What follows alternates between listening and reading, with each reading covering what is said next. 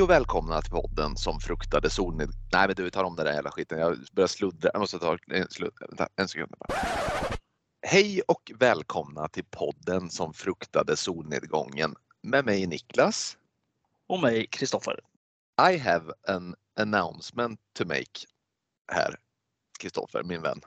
Jag vill bara säga först och främst att liksom det här, den här podden som du och jag har tillsammans här som vi har startat upp och som vi regelbundet släpper nya avsnitt till. Jag säger ingenting om kvaliteten på den här podden. Det, det, är inte riktigt relevant för mig eller för dig att bedöma utan vi gör det med ett grepp som vi tycker är så kul som möjligt för oss. Och sen är det ju bara kul om andra tycker att det är kul att lyssna på oss. Men jag måste säga att det här är, här, jag vet att vi har pratat om det här bara du och jag. Det här är alltså någon form av kreativt utlopp för mig känner jag. Och jag känner att det här är ju jäkligt kul att få ha den här podden.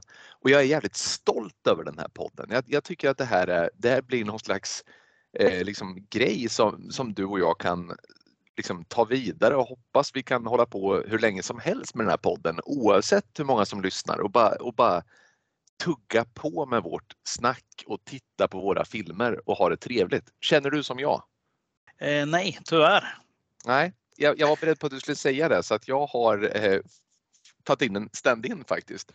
Så att det här är sista avsnittet med dig. Nej, skämt åsido-podd. Eh, skämt åsido-podd. skämt, skämt åsido-podden. Väldigt bra namn på en podd. skämt åsido-podden. Ja, vi kanske får anledning till att starta den vid sidan av sen. Men, men känner du som jag?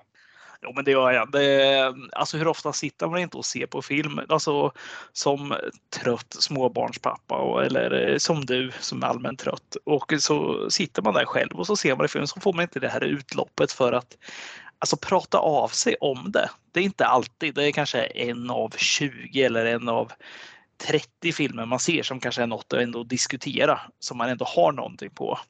Nu är det inte bara skräckfilm man ser utan annat också. Men just skräckfilm är ju det vi båda brinner lite extra för och ja, då, då tycker jag det är ett jäkla gött så här, avsteg i vardagen att sätta sig så här och bara ja, men man knäcker en bira eller tre och sen pratar vi av oss. Det, det är skönt. Ja men så är det och sen är det kul också att få vara lite nördig. Vi är ju liksom lite nördiga både du och jag såklart. Även om inte vi tillhör skaran som, som vi är inga filmvetare, vi har liksom inga högskolepoäng, eh, allra minst i filmvetenskap. Men vi har liksom en ganska god grund. Vi har sett jäkligt mycket och vi har referenserna klara för oss och, det är det liksom som bär den här podden vidare lite grann. Så det är väldigt och vet kul. du vad? Tacka mm. fan för det, för att sitta här och vi skulle se dissekera kameralinser och dylikt och uppbyggnader på filmer utan att kunna uppskatta dem. Det hade varit hemskt. Så är det och jag, jag tror ju att den typen utav, det finns det ju alla möjliga poddar såklart som handlar om film och glada amatörer och fullblodsproffs. Men jag tror ändå vi, vi kan fylla någon liten eh, kvadratcentimeter med innehåll här och det räcker gott och jag är väldigt glad att vi, eh, vi, vi kan köra på och jag är glad varje gång vi ska spela in en podd. Eh, och nu gör vi det och jag är glad. Jag tänkte fråga dig då på sedvanligt maner egentligen. Vad har du, nu har vi båda semester ska vi säga också. Har det inneburit att du har fått mer eller mindre tid att titta på film eller hur, hur ser det ut för dig och i så fall vad har du sett?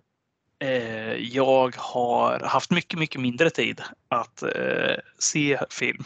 Det låter inget bra att säga när man går på semester, men, eh, ja, men så är det. Vi, vi har hängt i stugan en hel del som du vet. Eh, du har varit på besök också med dina kids och eh, det blir rätt intensiva dagar trots att det är semester. Men man eh, håller igång liksom från morgon till kväll och sen när kvällen kommer då har man inte riktigt orken att dra igång en, eh, en film för att barnen väcker en tidigt. Man, ja, så att ja, istället har det faktiskt blivit att jag fastnat i den här The Boys, den här superhjälte serien skriven av Garth Ennis som är ja, men det, det är ju liksom en, eh, en serietidningsadaption och inte i vanlig den här. Eh, du och jag, jag vet att vi har ungefär samma synsätt på på de här Marvel-filmerna och DC-filmerna som kommer som är massproducerade och de, de ser ganska lika ut. Det här är det här är vad som händer när man låter en galen hjärna ta spinn liksom på hur det skulle kunna gå liksom med superhjältar om man tar ett alternativt varv. Att de liksom inte är schyssta längre utan att ja, de, de lever ut sina fantasier lite och mer. Ja, det, det är barnförbjudet, tok barnförbjudet och det, det, det är rätt kul tycker jag. Så där har jag fastnat. Mm, ganska intressant ändå och det, det säger sig självt att det borde ju kunna finnas Alltså, nu kanske inte det här hör till det här stora eh, universum såklart som vi, som vi ser i Marvel och så vidare men det, man kan ju anta att hade det funnits superhjältar så hade det ju funnits rätt många som inte var särskilt trevligt eh, inställda såklart. Ja, ja, men eh, så är det. Och det, är liksom det, det blir jäkligt kul när man kollar på det också. Att alla inte, de är liksom inte stöpta i samma form. Du vet, så här. Det är inte de här snyggaste, hunkigaste eh, eller kurvigaste damerna tänkte jag säga som, eh, som man ska bekämpa världen utan, och skurkar. Utan det här är, nej men de, de dricker bärs och en del våldtar och en del, ja, de bara, de bara är och är, står och spionerar inne på kvinnotoan för att de är osynliga och kan. Mm, ja, det, ja, det, är här, det, är mycket ja. sådana sjuka grejer och eh, men för de som inte har läst något av Garth Ennis kan jag reka den starkt och även hans eh, serietidning Preacher som vi pratade lite kort om förut idag. Men det är en av de absolut bästa serietidningar jag har läst. Men aningen magstarkt ibland, men passar mig perfekt. Mm. Du då? Har du, eh, har du lyckats avverka någonting? Ja, eh, det har jag. Jag har ju semester precis som du har och men jag, mina barn är lite större så de, har ju, de leker ju med kompisar och jag eh, har tid att titta på en del så jag, jag har faktiskt sett en del. Jag har sett, eh, till att börja med har jag sett säsong 1 av den här serien Black Mirror det är en serie som, eller vad ska, vad ska vi kalla det då i genre? Alltså den, den eh, liksom berör lite olika dilemman och eh, de baksidor som, som det tar med sig eller som följer med, med detta. Jättesvårt för det är fristående avsnitt allting men de, har lite så här schyssta twister och lite så här, eh, ja vad ska vi säga, minst sagt märkliga situationer som folk hamnar i till följd av att man lever i en tänkbar framtid där eh, vissa detaljer ser lite annorlunda ut än vad de gör idag och så vidare. Är det något du har sett? Ja, jag har nog sett alla säsonger som har kommit där faktiskt. Jag, jag, jag tycker det är skitbra. Jag älskar det. det den är ju så här. Ja, men du vet, jag, jag gillar det när det är lite mörkare och eh, man kanske får lite så här eftertanke efter varje avsnitt. Jag tycker om ändå ja, men de berör faktiskt så här relativt aktuella ämnen hela tiden. De lyckas ändå hålla, det, hålla sig relevanta konstant. Det är mycket med sociala medier. Det är kanske mycket just politik, vilka vägar det går och mm. även just teknik. Väldigt mycket teknik just eh, så här, up and coming teknik, hur det kan användas och så vidare. Och så visar, mm. De visar ju nästan aldrig eh, den bra sidan av det utan de visar oftast hur det kan gå istället om det används lite fel. Det är Eller... ju precis det som är intressant för i början, i, först tänker man så här, ah, wow, så här, cool, cool take på framtiden. Sen bara, aj då, just det, just det, just det. Så jag tycker det är jävligt välskrivet och bra. Först, det ska jag fortsätta se, absolut. Hade du något ja, mer där? Förlåt, jag avbröt. Nej, det, det, har jag inte i, mer än så, utan jag tänkte bara säga att det är kul att det är fristående avsnitt, men att den ändå följer någon slags liten eh, röd tråd hela tiden. Det är någon mm. låt som spelas i stort sett om i varje avsnitt i första säsongen har jag för mig som man kommer ihåg. Och sen, eh, ja, och sen är det lite så kul att de kör, det är mycket brittiskt. Så att det är, eh, det är mycket så här skådespelare som man känner igen som inte är så här. Det är inte de största, det är inte de minsta heller, men det är de här man säger, jaha, den där jäkeln, han är med här. Och det mm. är jäkligt välspelat. Ja, Nej, men den är riktigt underhållande och schysst och det är ju som sagt runt en timmen avsnitt så där så att det, det går ju att få in i vardagen också. Eh, sen har jag sett eh, den här Annihilation med eh, bland andra Natalie Portman och svenska Tuva Novotny. Handlar om ett eh, skimmer som eh, lägger sig över jorden tycks vara någon form av utomjordsligt Eh, och de som ger sig in i det här skimret då som sprider sig över jorden eh, tycks inte komma tillbaka. Eh, och de ytterst få eller den enda som har kommit tillbaka är förändrade grundvalarna så att eh, Natalie Portman och ett forskningsgäng eh, ska ge sig ut där i skimret. Eh, mycket spännande. Jag har också sett den här Life med Jake Gyllenhaal och Ryan Reynolds bland annat och också där svenska för övrigt. Vad heter hon? Rebecca Ferguson va? Säger jag mm. på engelska. Hon kanske uttalar det på engelska, vem vet? Vem vet?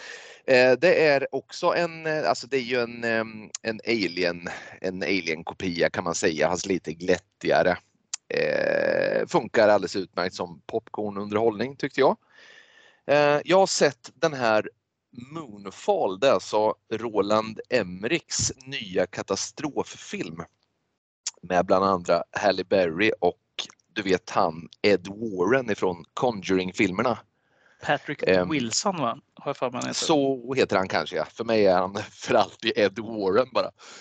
Um, eh, alltså, jag vill bara säga och göra klart, jag, jag, vet att du vet det här om mig, men jag vill bara förtydliga att jag tampas ogärna i, i svårmod när det gäller film. Jag har verkligen, verkligen ett sinne över för du vet lättsam popcornunderhållning och eh, om vi räknar bort skräckfilm så är verkligen så katastroffilmer och, och med lite så science fiction inslag är verkligen en stor favorit för mig. Så att eh, det var, trots att jag läst riktigt usla recensioner om den här filmen så gav jag mig den eh, på att se den med öppna eh, och eh, alltså öppet sinne och inte låta mig påverkas av vad andra har skrivit om den. Men den är, den är, den är riktigt jäkla kass och lång också. Det kändes som att den aldrig tog slut filmen så att den, den behöver man inte se om man nu verkligen inte är en person som älskar den genren. Sen undrar jag, alltså Roland Emmerich, jag ska inte avslöja någonting eftersom det är en ny film. Den, den är väldigt scientologig. Jag undrar, vet du om den kar, karfan är scientolog rent av? Nej, jag har faktiskt ingen eh, koll på det, men eh, man skulle väl inte bli helt förvånad heller om, man, eh, om man är det. Nej, och jag ska inte avslöja någonting, men slutet bara skrek instruktionsfilm för scientologerna. Jag, jag, eh, jag säger inget mer om den saken, men det, det, var, det var vad jag tog med mig därifrån. Då. Sen eh, har jag också sett, eh, och nu pratar vi lite löst om superhjältar och eh, jag har väl varit lite avokt inställd, minst sagt, för den här vågen av superhjältefilmer som har kommit.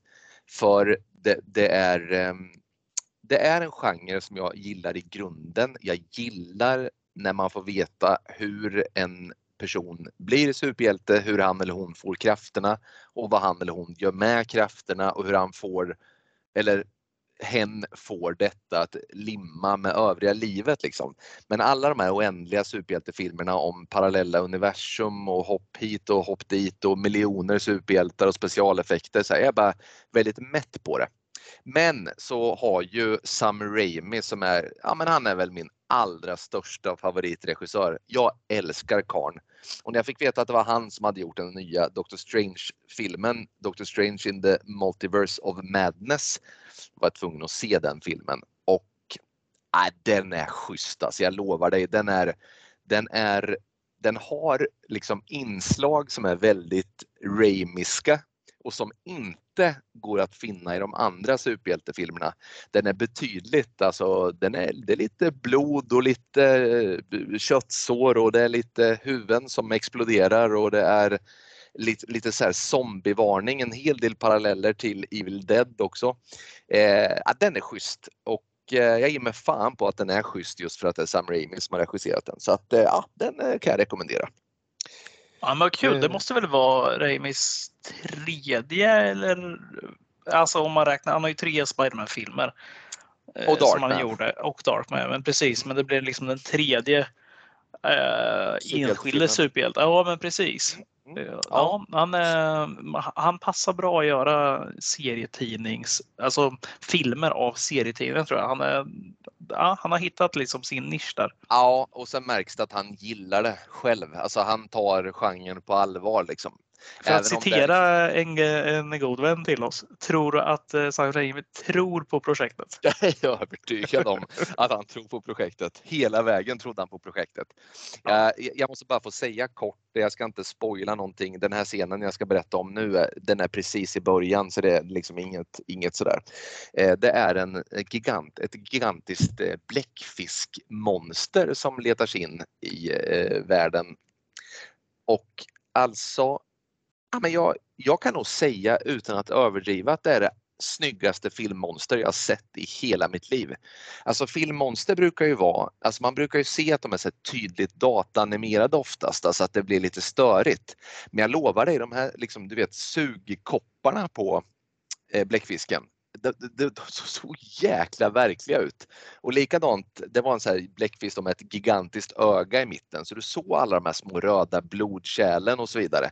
Aj, det är sjukt. Jag var helt tagen. Ja, men jag, jag, jag, jag säger det, det, det är det snyggaste filmmonster jag sett i hela mitt liv och, och, precis i början av denna nya Doctor Strange-film så att det är åter ett, eller ytterligare ett, en anledning till att se den här filmen för att ja, den är schysst helt enkelt.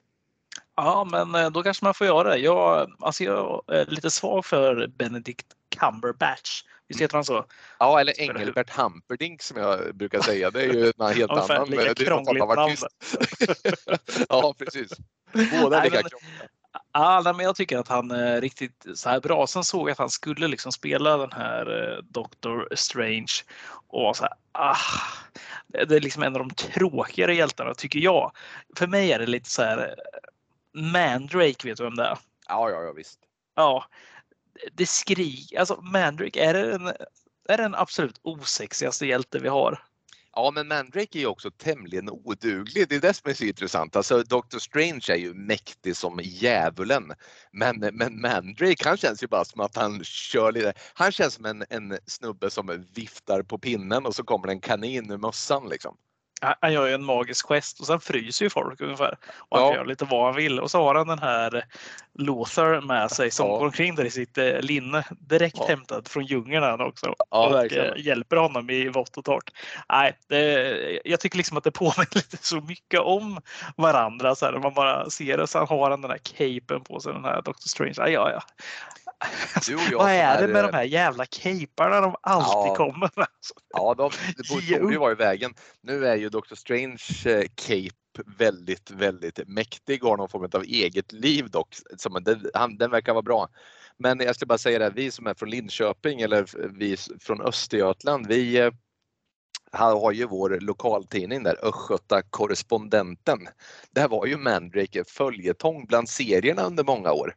Och det var ju helt omöjligt liksom att för du vet, det var ju tre serier ute bara. Mandrake, han liksom tvivlade på att någon pratade sanning och sen var serien slut. Och fick man vänta ett dygn innan tidningen kom igen för att få någon form av... Men jag, jag läste det där varje dag liksom under många år. Men det, var liksom, det var inte så att man satt och tuggade på naglarna på spänning direkt. Ja, det var ju den och så var det Hagbard har jag för mig som var ja. en av dem och Helge var också. Ja, där. Kalle och Hobbe. Ja, det, ja.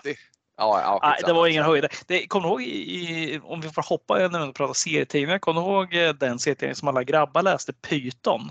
Verkligen. Jag, jag hade en kort prenumeration på tidningen och så kom Megapyton också. Ja, men kom ihåg att det fanns en serie där som hette Nakna brudar berättar eller något liknande. Ja, det, var så, det var samma rutor konstant. Så, mm. så ja. drog de ett skämt och det var, det var liksom och det var, ungefär, ja, det var typ tre rutor långt. Python, vilken jäkla pangtidning ändå. Alltså. Ja, verkligen. Ja, men det, man är ju, det är ju du eh, kanske ännu mer vad jag är, men man är svag för serietidningar eftersom man är uppvuxen med skiten. Det är bra grejer. Ja, de har format den till den man är. Man, man får mycket så här. Eh, ja, men det, det, passar ju väldigt bra alltså övergången till att vi har sett eh, Nightmare on Elm Street nu. Alltså, alltså serietidningar, de, de går rätt bra hand i hand med de här filmerna. Läser man en sån där, då sitter man antingen sitter man fastklistrad vid de här superhjältefilmerna eller så ser man som, eh, vad heter de här med Keanu Reeves gjorde ju någon sån, den här eh, halvskräck, halv superhjälte. Den här. Konstantin eller? Precis, Hellblazer mm. heter den väl som serietidning. Det gör den. Har jag för mig. Mm. Just ja. det. Ja, men, eh, det finns liksom så bra övergångar så det finns något för alla. Alltså, jag snöade ju in på de här serietidningar som var lite mörkare som återgår till att vara svartvitt igen. Inte de här Marvel-serierna som kanske fortsatte vara i pastellfärger utan jag, jag gillar ju liksom Sandman, man kom in på Pun ja, Punisher är väl en den enda kanske där som jag fortsatte läsa. Den tycker jag är rå och brutal och eh, härlig. Men annars blev det liksom Walking Dead och eh, ja, men Preacher som vi pratade om. Då. Så att mycket sånt, eh, det kan jag fortfarande eh, liksom sitta och uppskatta och köpa dem där så ofta jag hittar dem och har tid. Ja men du vet, jag är likadan och, och det där är, det är rätt intressant. Så jag, jag var ju hos, liksom, på, hos tandläkaren för inte så länge sedan. Och numera har man ju en eh, mobil med all sköns förströelser på medan man sitter i väntrummet. Men tro fan när jag får se att de har en Fantomen-tidning i tidningsställer. Äh, då, är, då har, eller håller jag inte i telefonen längre utan då läser jag Fantomen medan jag sitter där och väntar. Så det är lite så där, det, det, man är inställd på det på något sätt. Ja, vad härligt. Fantomen, det, jag tror jag hade någon så prenumeration som gick 12 år där när man eh, bodde hemma liksom sista mm. åren. Så att eh, när jag är hemma ibland hos morsan och farsan så eh, vet jag att de brukar tjata om att jag har ett par eh, eh säckar med saker som jag aldrig tar hem eh, till mig. Och det, det, är liksom bara för att det, någonstans måste jag ha kvar de här för jag vet att plockar jag med dem hem hit där jag bor, mm. då kommer min sambo göra processen kort med de här kantstötta, nötta serierna för det är inte något man liksom slänger upp i hyllan för de är inte så jättevackra att ha där och de tar ganska Nej. mycket plats och det. det saknas någon liten framsida här och där. Men så att enda sättet för att få de här att överleva ett eh, generationsskifte någon gång i framtiden, det är att låta dem stå i morsan och farsans gamla fuktiga källare och eh, ta den skada de får ta. Men eh, det är enda sättet. Och det, det, det kan ingen skada dem. Nej, det, Nej. Jag. Det, det får de stå. Jag, jag håller med dig. Låt dem stå för guds skull alltså. ja, men det, det, är kul att ha dem där. Det Fantomen och Agent X9 och Python. Det var det man läste mycket. Python, ja, inte, den fick man gömma undan lite så för föräldrar. De var lite halvpinsamma att ha ibland. Mm. Ja, men jag hade, alltså vi, ska, vi ska snart börja prata om filmen såklart, men jag hade en polare som hette Anders, eller han heter Anders. Eh, han hade alltså serietidningar från golv till tak och vi, vi lekte väldigt mycket när vi var små och eh, när man var hemma hos honom så här, då, då var det liksom som att förpassas till ett annat universum utan då satt man med serietidningen liksom, i knät och så läste man tysta bredvid varandra. Så här. Eh, väldigt trevligt. Det var mest eh, Spiderman och eh, Hulken tror jag att han prenumererar på och sen Python då såklart. Eh, nej, men det är väldigt trevligt med serietidningar och kommer alltid vara. Ja, så är det. Jaha, men mm. eh, ska vi ta oss in den eh, ja, ska vi ta oss dit vi är på väg då? Till del 6 i Nightmare on Elm Street. Freddy's Dead, The Final Nightmare. Från 1991. Och nu är det ju ja, men det har vi ju tjatat om. Nu är det en sjunde film som kommer eh, som heter Wes Cravens New Nightmare och det kommer vara den sista i eh, den här konstellationen som vi tar oss an. Men sen vet vi att det finns någon remake och det finns också en liten sån där du vet VS-film, Freddy vs Jason. Men vi, vi lämnar dem därhän och koncentrerar oss på den här raka serien och vi får väl nästan erkänna både du och jag att vi börjar väl tycka att det är ganska skönt att det går mot slutet, även om det är kul att ta sig an en franchise. Ja, ja men verkligen. Man, eh, det, det, hade ju varit konstigt egentligen. Alltså det, nu, nu är det sju filmer vi ska se som är utspottade på väldigt kort tid mellan varandra. Jag tror längsta hoppet vi gör är två år mellan filmerna. Och eh, om ens det. Men eh, nej, alltså det, det, hade varit konstigt om filmerna blev bättre och bättre. Utan eh, jag förväntar mig egentligen att alltså, de ska bli sämre och sämre. Sen tycker jag mm. ändå hittills ändå att vi har, jag tycker tvåan var en, en överraskning positivt. Sen vet jag att du håller ju trean eh, relativt högt. Jag gjorde kanske inte det, men eh, vi enades väl båda om att eh, fyran var hygglig. Och sen följer vi ner där riktigt bottennapp i femman. Ja, ja men precis.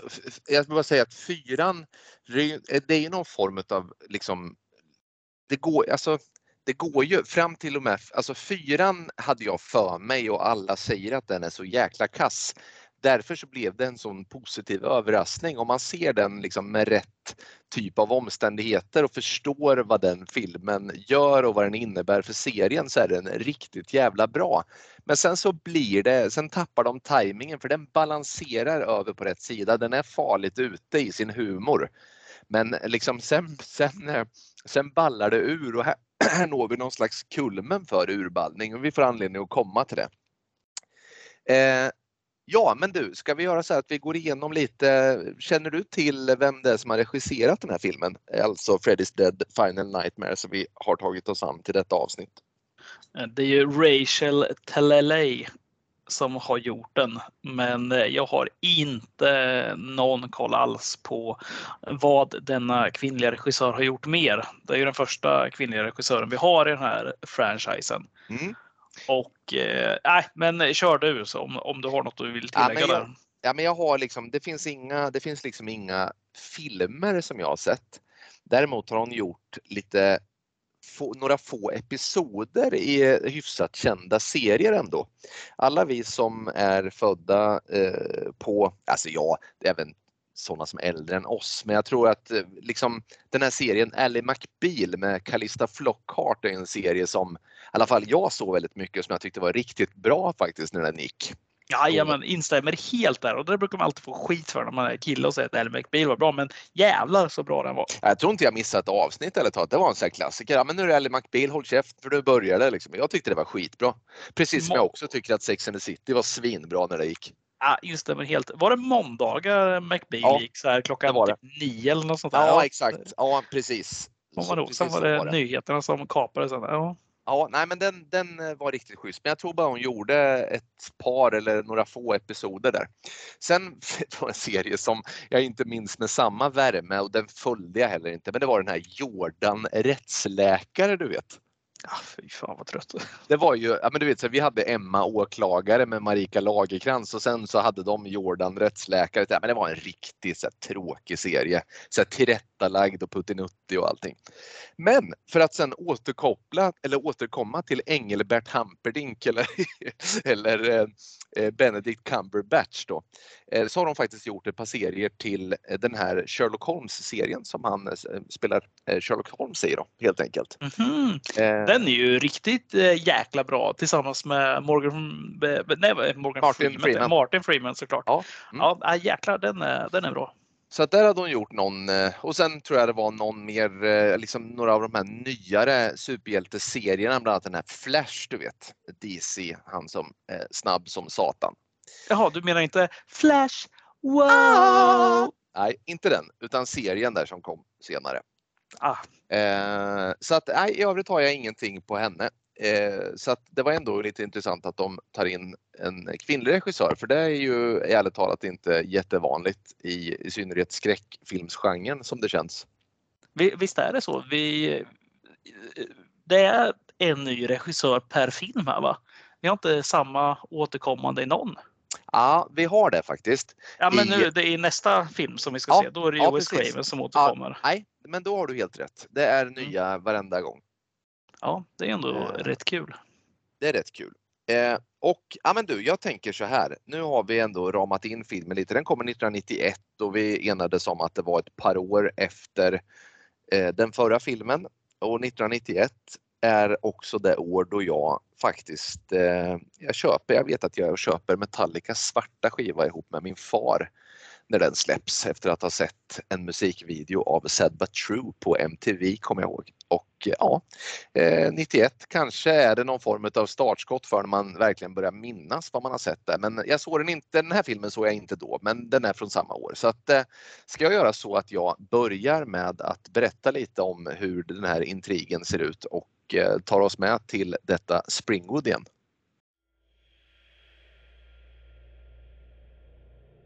Freddy Krueger är tillbaka och har lyckats döda nästan alla barn i staden Springwood. Den enda överlevande tonåringen, endast känd som John Doe, tampas med Freddy i en dröm och hamnar utanför staden Springwoods stadsgräns. Stadsgränsen fungerar som en barriär som Freddy inte kan passera, men när John gör det slår han i huvudet och kommer sedan inte ihåg vem han är eller varför han befinner sig utanför Springwood. Under tiden på ett härberge för stökiga ungdomar planerar Spencer, Carlos och Tracy att fly. John Doe hamnar efter att ha blivit upphämtad av polis också på härberget och blir då patient till Dr. Maggie. Maggie lägger märke till ett tidningsurklipp i Johns ficka från Springwood. För att råda bot på Johns minnesförlust bestämmer de sig för att besöka Springwood tillsammans. Tracy, Spencer och Carlos vägar leder som av en tillfällighet också till Springwood och de bestämmer sig för att vila i ett närliggande hus, närmare bestämt 1428 Elm Street. Ja, men du, tack Niklas. Tack för eh, din otroliga inläsning. Ska vi bara prata lite kort om den här John Doe som dyker upp här? Ja, alltså ja, det, det, skulle vi kunna göra eh, eh, om han fick någon ordentlig presentation, vilket han ju inte får. Det här är ju alltså en, eh, en man utan, eller man, det är en ung vuxen som utan närmare presentation tampas med Freddy. Också plågad av Freddy uppenbarligen i sina drömmar. Ja, alltså eh, får vi veta någonting mer om han? Det får vi inte. Nej, därav John Doe kanske i och för sig. Men det är ju jävligt märkligt att börja en film med en full actionscen där man inte har en aning om vem det är som slåss för sitt liv. Nej, men vi, vi möts ju bara, du får rätta mig om jag minns fel, men vi, visst möter vi upp han inne på ett plan där han sitter där och flyger och så kallsvettig. Ja, han, eh, han, eh, precis, han sitter ju i eh, ett flygplan och det här flygplanet, ja, det är ju jävligt konstigt för det är ju en drömvärld som sagt var och han, han, taket öppnas och, och han far fram och tillbaka. Ibland så blixtrar han, blixtrar han till så att vi vet att han ligger egentligen i sin säng. Men det mm. är ju ja, mycket märklig start på filmen. Jag vill bara ta det just den här, när plan, vi, vi skiter i planet, det är ganska oväsentligt och allt det här med drömmarna är ju bara eh, kuriosa. Men just det, men det här planet störtar typ och han eh, flyger iväg, sen lämnar han i sin säng, sen flyger hans hus iväg. Det händer väldigt mycket på kort tid där ska man ju tillägga. när det här huset flyger iväg. Mm. Alltså, kommer du ihåg när vi pratade om film, förra filmen, nummer fem där, så mm. pratar vi om hur läskigt det är med eller hur oläskigt det var med Freddy Krueger när han hoppade in i den här serietidningen.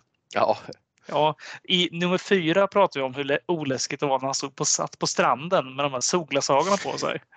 Nu, nu, om jag lägger fram det så här. Nu dyker Freddy Krueger upp som någon slags häxa på en liten så kvast med något huckle på huvudet och vinkar till honom. Bara, alltså när jag såg det här, klockan var midnatt. Det var en bra tid för skräckfilmen. Ja, så vad ska man säga? Nej men alltså, vi kan väl direkt bara konstatera att då film nummer fyra tar, alltså humorn lanseras tydligast i film 3 vill jag mena. Alltså film 2 har ju mycket humor också men den är så, den är så egen så att jag tycker inte den räknas. Jag tycker film 3 återgår lite mer till liksom standardberättelsen med komiska inslag. Fyran tar det vidare. Femman försöker göra det mörkare igen men misslyckas så det blir ännu roligare. Och sexan här, här är det, här är det liksom är det, om, är det här en skräckfilm alltså, än som man försöker? Nej, nej, jag, nej, jag vet inte. Jag har ingen aning vad som hände här. Det som också särskiljer den här filmen lite grann från de övriga här, det är ju att vi tydligt tidigare i varje film ändå Alltså även om det har varit långsökta förklaringsmodeller till varför han är tillbaka så har vi ändå fått en förklaring till varför och hur han har kommit tillbaka. Det får vi inte veta här. Vi vet bara att Freddy Krueger från första bildrutan går bananas eh, helt enkelt och är tillbaka i egen hög person. Men det, det, får vi också bara acceptera att så är det. Sen kommer det en väldigt svag förklaring framåt sen varför han är tillbaka. Men, men inledningsvis här så har vi ingen aning varför utan han är, ba, han är bara där. Ja, det, är, det är också, man märker så tydligt att vi har, vi har lämnat 80-talet här. Alltså det är allt jag älskar med 80-talsfilmer det här, det här är brytet till det jag hatar. Det finns inget, jag skulle säga så här, det, det, finns inget årtionde tror jag som jag hatar så mycket i filmvärlden som tidigt 90-tal när det gäller den här typen av film. Alltså just de här värdelösa effekterna. Den här, den här ganska skarpa bilden ändå. Alltså bilden blir skarpare. Det är inte det snygga den här alltså 80-tals eller 70-tals filtret som ligger på på linsen som ändå är snyggt. Här är det skarpare. Det ser ut som en tv-film direkt när man kollar. Ja, men så är det ju. Sen har man en övertro till de som du säger riktigt kassa effekterna också. Alltså man bygger hela filmer på effekter som inte räcker till. Ja, men då säger sig självt att nah, det finns inte mycket kvar att njuta av då helt enkelt. Nej, men så är det. Sen är det också den här, alltså, jag lever i någon slags här, tycker att det här 80-talet var coolt. Så här, det var ball musik. Jag gillar, jag gillar nästan så här modet ibland också, hur töntigt det än är. Men jag tycker liksom också. allting är, jag tycker allt är härligt. Så här, det är ett härligt snack och, och så vidare. Sen kommer det här 90-talet. Alltså frillorna är fula. Attityden hos karaktären är bedrövlig. Mm. Och allt är bara fult. Alltså allt är nej, det finns i, allt är platt och tråkigt. Ja, nej, men jag håller, jag är, jag är enig.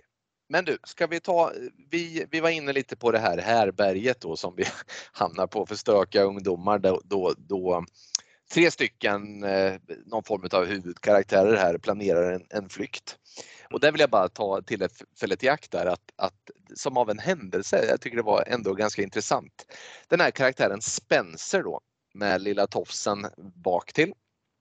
Han spelas av Brecken Meyer. Och kommer du ihåg i avsnitt tre var jag inne på att eh, den här karaktären Philip, tror jag det var, eh, såg ut som, som skådisen som, som alltså är huvudroll i den här eh, Road, trip. Ja, precis. Där han ska stoppa bandet som han har skickat till sin flickvän som inte skulle till sin flickvän och så vidare. Som av en händelse så är det nu han dyker upp istället. Det är ju helt sjukt. Alltså ja, det, det, här är hans debut typ. Eh, och, och, det är ändå i Elm Street-serien som jag trodde att han var med i från början. Jag tyckte bara att det var, det var, det var en sjuk... För när jag såg den här filmen så tänkte jag, men, men där, det, det måste ju vara han i alla fall. Och så var det det mycket riktigt. Då. Det var ganska intressant. Så att det, det är ju Spencer. Sen har vi eh, Carlos. Va, vad har du att säga om honom? Eh, han är döv, punkt. Mm. Han är döv, men inte... Ja, ja alltså, han, han, nej, men det är ju ändå intressant. Eh, alltså när han inte har sina eh, eh, hörapparater, då hör han ju ingenting. Det är absolut dödstystnad. Men när han får på dem så hör han eh, precis som vanligt. Så att eh, det är bra, bra klass på dem för att vara så tidigt eh, 90-tal. Och sen har vi då Tracy som är någon form av kickboxande eh, tuffing då i det här gänget. Det är hon som står för musklerna helt enkelt. Hon har mycket attityd också skulle jag säga. Eh, det har hon. Och sen är det ju den här eh, nu nämnde jag den här Dr. Maggie som då är någon form av, av doktor eh, på det här berget som, som också John Doe då hamnar hos. Vid sidan av Maggie så finns också den här Doc.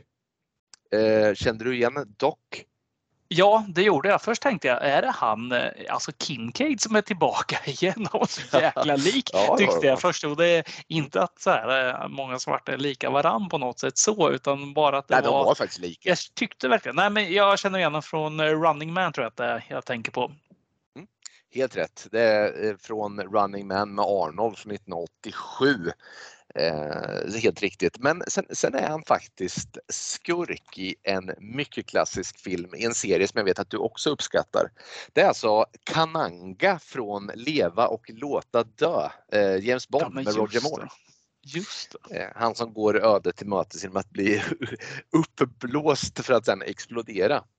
Mm, även med i Alien också. Ja, han är med i första Alien-filmen, ja mm. precis. Ja, ja men, fan, ja, inga jo, dåliga jävla filmer han har varit med i. Nej, men han har ett sånt utseende som eh, du känner igen han. Sen är det en sån här skådis som man lätt, alltså det, han faller nog lite i glömska. Så här, man, man tänker så här, men den där jäkeln, han har jag sett någonstans, men mm. svår att placera. Ja men så är det. Eh, nej, men han är ju då dock, men jag får inte här heller någon förklaring. Det kan vara så att jag har missat den. Men eh, liksom, han, han får ju inte någon större presentation här initialt va? Nej, inte vad jag vet. Alltså han Nej. jobbar tillsammans med den här, eh, Maggie. ja på något sätt. Ja. Sen varför han är så bra på drömmar, det, det vet det Ja, tusan. men det får eh, vi får aldrig veta, men det är han. Det, det, Ja. det kan ju vara värt att nämna. Han är bra. Det är kul att han är bra på drömmar också. alltså, han är svinbra på drömmar. Ska, ska, kan du lyfta det på någon så här, du vet, så här anställningsintervju? Så här, alltså, vad, vad, vad, har du, vad, vad, är du, vad har du för fördelar? Så här, vad hur funkar du? Så här, jag skulle bara säga att jag är väldigt bra på drömmar. Alltså. Ja, vad menar du ja, då? Alltså, nej, jag, jag, bara, jag bara är det. Jag, jag är inte spindeln i nätet eller gillar att ha många bollar i luften. Utan jag är väldigt bra på drömmar bara. Det, det, är, det är jag. Och det, är- det är jag också. Jag är väldigt bra på, bra på att eh, dagdrömma faktiskt. Utan att ljuga. Ja, jo, det är man ju i och för sig bra på. Ja. Ja, nej, men där, där, har vi ju, där har vi någon form av då eh, persongalleri. Det är de som utgör hela, hela det här gänget då tillsammans med Freddy Krueger som, som handlingen kretsar kring. Sen är det ju så att de hamnar ju tillbaka på Elm Street. Eh, vägarna leder till Elm Street som jag just har berättat. Tycker du, sitter du som på nålar här när de närmar sig staden eh, Springwood och Elm Street-gatan här? Känner du nu jävlar blir det otäckt? Känner du så? Nej, allt är ju filmat på dagen så nej, det gör jag icke. Plus att de åker i någon slags liksom så här rape van som är så här, den har massa så här typ Alice in Chains och olika bandnamn på sig. Jag, jag får liksom inget riktigt grepp om den här, alltså någonting. Det, det här det här stället de är på, det är eh, behandlingshemmet eller liknande, vad, vad det nu Mm. är för någonting. Mm. Jag får inte grepp om vad, vad deras uppgift är med de här, eh, de som är där. Alltså Ja, jag, jag vet vet att de att ska du- hjälpa dem, men jag vet inte Ja, hur. jag, jag vet att du uttryckte eh, rätt stora frågetecken kring det här eh, behandlingshemmet i film nummer tre. Men det är ju rena, eh, det är ju rena liksom medicinska underverksstudion i jämförelse med det här härberget. För här vet man ju verkligen inte vad som är problemet. Det, det är så här det går när man privatiserar. Då hamnar man på sådana här ställen där någon är bra på drömmar. Det är så. Ja, precis. Här ska ni få träffa Doc. Eh, nej, men exakt. Nej, men så är det. Jag, ty- jag tycker väl att vi har handlingen klar för oss. Där. Det är liksom inga större, utan jag, jag tycker så här. Jag tar oss vidare till del två så får vi se vad den har att eh, berätta för oss. John och Maggie besöker Springwood Orphanage och upptäcker där att Freddy Krueger fick ett barn. John tror att det är han som är barnet eftersom Freddy lät honom leva i en tidigare dröm. Tillbaka på Elm Street somnar Carlos och Spencer och blir då offer för Freddy. Tracy väcks av Maggie, men John som gick in i drömvärlden med Tracy för att försöka hjälpa Spencer sover fortfarande. Maggie och Tracy bestämmer sig för att ta tillbaka John till härberget, men på väg tillbaka dödar Kruger John och innan han dör hinner han avslöja att Krugers barn inte är en pojke utan en flicka. Tracy och Maggie återvänder till härberget men de upptäcker att ingen minns John, Spencer eller Carlos förutom Doc som lärt sig att kontrollera sina drömmar. Maggie kommer ihåg vad John berättade för henne och upptäcker sina egna adoptionspapper och får reda på att det är hon som är Freddys dotter. Eh, ja, men du, eh, om jag inte satt på nålar tidigare när jag såg filmen så sitter jag ju verkligen på nålar nu efter den här inläsningen. Tack så jättemycket. Eh, ja, ja, men verkligen. Det är inte så svårt att göra det spännande med det här underlaget så att säga. Men jag skulle bara vilja börja med att lyfta det som känns väldigt centralt här. Man, man mänskliggör ju Freddy Krueger mer än någonsin i den här filmen. Först så vill jag bara nämna det att liksom, det, det är någon form av, jag tror att Rachel, vad hette regissören? Rachel, eh, vad hette hon nu då? Hon hette så mycket som Rachel Talalay. Talalay. Talalay. Talalay. Jag ville bara säga. Push it, push it some more. Nu ska vi säga talalalay igen. Nej, det märks att vi försöker fylla ut det här med annat nonsens den här filmen. Nej, men så här är det ju. Hon har ju, det verkar som att hon har, någon form av god tanke med det här. Det, det, det blir inte bra, men tanken är säkert god. Hon tänker ju att eh, hon, hon vill ju ge lite bakgrundshistoria till egentligen alla karaktärer här och vi landar i att, ja men du vet, Nancy höll jag på att säga, heter hon inte alls, hon heter Tracy i den här filmen. Hon har ju haft en elak eh, pappa eh, och, och, kommer från det förflutna av, av att ha blivit trakasserad av honom under sin uppväxt. Eh, Carlos, han har bara haft elaka föräldrar som har slagit honom och indirekt kanske rent av ligger bakom att han inte hör, får vi anledning att tro, då eh, mamman dyker upp i någon form av drömsekvens och stoppar in en lång tops i ena örat så att den kommer ut ur det andra så att han har det kämpigt. Och Spencer då, han, han lider ju av att ha en far som inte tolererar att Spencer är sig själv utan vill att Spencer ska vara en ordentlig kille och mer som han. Men det här faktumet att man då gör Freddy Krueger, alltså det är mycket, mycket man presenterar om denna Freddy Krueger. Dels så presenterar man att han troligtvis har ett barn får vi veta. Vad, vad tycker du om den idén till att börja med? Ja, jag vet inte. Jag tyckte inte det var något jättestörigt. Det känns så här, ja, det kanske han har haft, men som, ja, jag vet inte fan, är det inte ganska vanligt ändå? Så här, jag menar, så här, kollar man på Hagamannen och liknande, så här, alltså riktigt vidriga människor, det är ofta Alltså det finns ändå en familj där bakom någonstans. Det känns inte jättekonstigt att Kruger heller skulle haft ett barn. Nej, men för att det som är intressant här är ju att eh, Freddy Krueger är ju jag skulle säga att det här, här har de ju någonting som skulle kunna bli intressant i rätt händer. Det här är egentligen ingenting. Jo, det är ju centralt på ett sätt eftersom det är barnet som kommer piska hans brända stjärt mot slutet. Det är ju en sak då. Men, men själva grejen som sådan håller jag med. Vi får se lite sekvenser från där vi faktiskt får se Robert Englund så som Robert Englund ser ut eh, när han är eh, Freddy Krueger innan han så att säga går sitt öde till mötes och man får se hans familj och hans så att säga kuvade hustru. Men man får också se då att Freddy Krueger har fått pisk eh, som liten av sina styvföräldrar, åtminstone sin styvfar då och säkert utvecklat någon form av psykopati till följd av detta. Men jag håller med dig. Men, men alltså det, ju, det blir ju ändå, grundtanken är god men så lite som man skrapar på ytan bara här så faller det ju platt alltså. Det, det, det hade behövts lite mer omhändertagande för att man skulle liksom bry sig om det här. Ja, det här hade man ju velat ha som en prequel-film nästan. Alltså man får det här presenterat bara för mm. att eh, det liksom ska sätta sig. Nu får vi, kan det vara sju minuter totalt max alltså, som är tillbakablickar. För jag tycker det liksom, väger man samman allting här då i den här serien, alltså men han, är, han är född av en nunna till följd av en våldtäkt då liksom eh, hundratals criminally insane har våldfört sig på henne. Sen har han växt upp i en styvfamilj där styvpappan har gett honom stryk hela livet. Alltså, de tar ju i så de spricker liksom.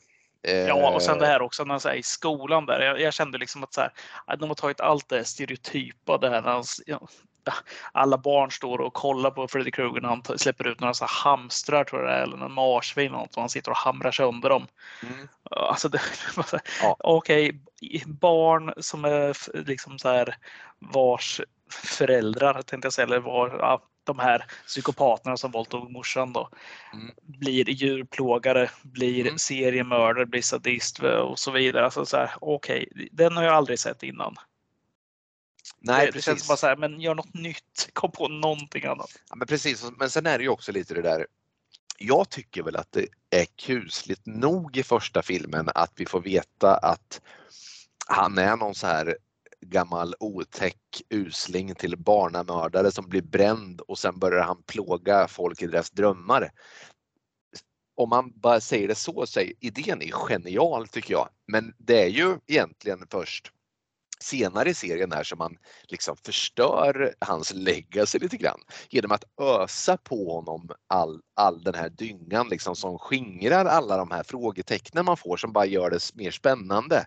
Alltså det är ju det, det, det är problematiskt tycker jag och det är inte bara i den här filmen utan alla gånger sen man ska förklara allt till liksom 100% varför någon är elak så här, men det, det blir mindre läskigt liksom. Ja, men på så här kort tid blir det i alla fall det tycker jag. Ja, eh, ja, men som jag sa innan där, man hade behövt en hel film, kanske en så här ung Kruger eller liknande som förklarar för att ska du liksom bygga upp en eh, sinnessjuk karaktär, alltså du kan inte göra det på så här kort tid. Liksom. Vi får ju ingen, alltså allt går i ultrarapid. Det går inte att göra det läskigt då. Nej, men så är det. Du, jag, jag tänkte väl att vi, liksom, det som ändå de här filmerna är mest kända för, så, så börjar ju folk gå åt lite här nu då. Vänta, innan, innan vi gör det, får jag bara ta en grej där? Ja, ja. Vi ändå pratar om de här tillbaka blickarna. Jag trodde du skulle nämna det nämligen, eller om du kanske har spart på det. Men Freddy Krugers styvfarsa. Mm. Du, inget att uppmärksamma? Eh, har jag missat något centralt här nu? Eh, jag trodde du skulle ha på den direkt där, men jag tar den i så fall. Ja, He's back. The man behind the mask. Alice Cooper dyker upp. Är det Alice Cooper som är styvpappan? Yes. Helt sjukt. Det såg jag inte. jag trodde du skulle ha den direkt, det var därför du ville dit där. Men, nej, men vad roligt, då får jag dra den istället. Ja, nej, men, eh, jag, när jag såg det så bara, men vad fan, jag, det där ringde någonstans i bakhuvudet. Så här. Jag ska vara helt ärlig och säga, jag såg den här filmen idag så jag har inte hunnit eh, kika så mycket så här annat. Så att med risk för att eh, ha fel någonstans. Så, men, nej, men det jag vet om Alice Cooper är att han, han dyker upp i filmen lite titt som tätt. Ja, eh, men eh, nästan alltid med smink, alltså sitt vanliga smink på. Det vill säga liksom sotad under ögonen och det här svarta, kolsvarta håret mm. eh, överallt. Alltså Alice Cooper-sminkningen helt enkelt. Men han är ju ett stort fan av skräckfilm. Och ja, han verkligen. är ett stort fan av, eh, eller var i alla fall ett stort fan av den här franchisen. Så att han ställde upp för att det här var de bland de få. Han är ganska så här selektiv med vilka filmer han gör. Men det här var den enda liksom som lät han vara osminkad. Så han kunde liksom få spela faktiskt en, en roll som inte Alice Cooper. Fan vad coolt ändå. Du vet, det här är ju risken med när en film blir så dålig så att du sitter liksom nästan och kollar, liksom filtrerar bilden mellan ögonfransarna. Jag missade. Jag, så, jag såg inte att det var Alice Cooper. Vet du, jag tror att jag missade allt annat i den scenen och bara tyckte att det var ballt att Alice Cooper dök upp. Det mm. tyckte jag var kul. Ja, ja. vet du vad? Jag ser inte ens ansiktet framför mig för att jag, jag tror att jag kanske liksom. Det, det, enda jag ser är hans ryggtavla när han liksom, du vet, eh, späkar eh, Freddy på ryggen. Um, så att jag, jag, jag kanske missar just när han kommer fram till Freddy där och inte ens så ansiktet. Men coolt ändå att det var alldeles ja, kanske 20 sekunder eller någonting som, hade, som är med. Han säger ju några korta repliker och sen ja, borta. Precis. Ja, cool. Nej, men du, det, det var bara en liten rolig parentes eftersom vi båda gillar rockikoner ja. och så vidare. Så att, eh, nej men du, ta oss till dödsfallen. Jo, men jag tänkte väl börja med bara att ta oss tillbaka till, för att du vet det här är en av de filmerna ändå som jag såg ett par gånger när jag var liten. Eh, en av de, alltså då, jag sagt det förut, filmerna i den här franchisen har ju flutit ihop lite grann och det har varit svårt innan jag såg om alla här nu att veta vad som tillhör vilken film. Om man nu bortser från ettan och kanske trean då möjligtvis. Det är den här scenen med Carlos och hans hörapparat för den börjar ju Freddy bråka med då naturligtvis och han tar den och sen slänger han till honom en gigantisk hörapparat som liksom kläm, klamrar sig fast som en sån här facehugger ur alien runt hans öra och gör hans hörsel så oerhört skarp. Och sen släpper han ju en näve spik i golvet då naturligtvis och och eh, ställer till det så till den milda grad att ja, han, han utsätter Carlos för så mycket ljud på griffeltavlor och annat så att han, han, eh, han spränger huvudet på Carlos nätt och jämt. Då. Den där scenen kommer jag verkligen ihåg. Sen tänker jag att du faktiskt ska få berätta för mig om Spencer, alltså Roadtrip Spencers öde. Eh, och hela den scenen ska du få berätta om. Åker jag på den? det är bra. Ja, nej men eh, vi får ju reda på tidigt att Spencer, han gillar att, eh, vad gör han? Han, han gillar att eh, bolma, han gillar att... Puffa den magiska draken. Han, ja, han röker en feting och eh, för att han sover bättre på det sättet. Han slappnar av med det.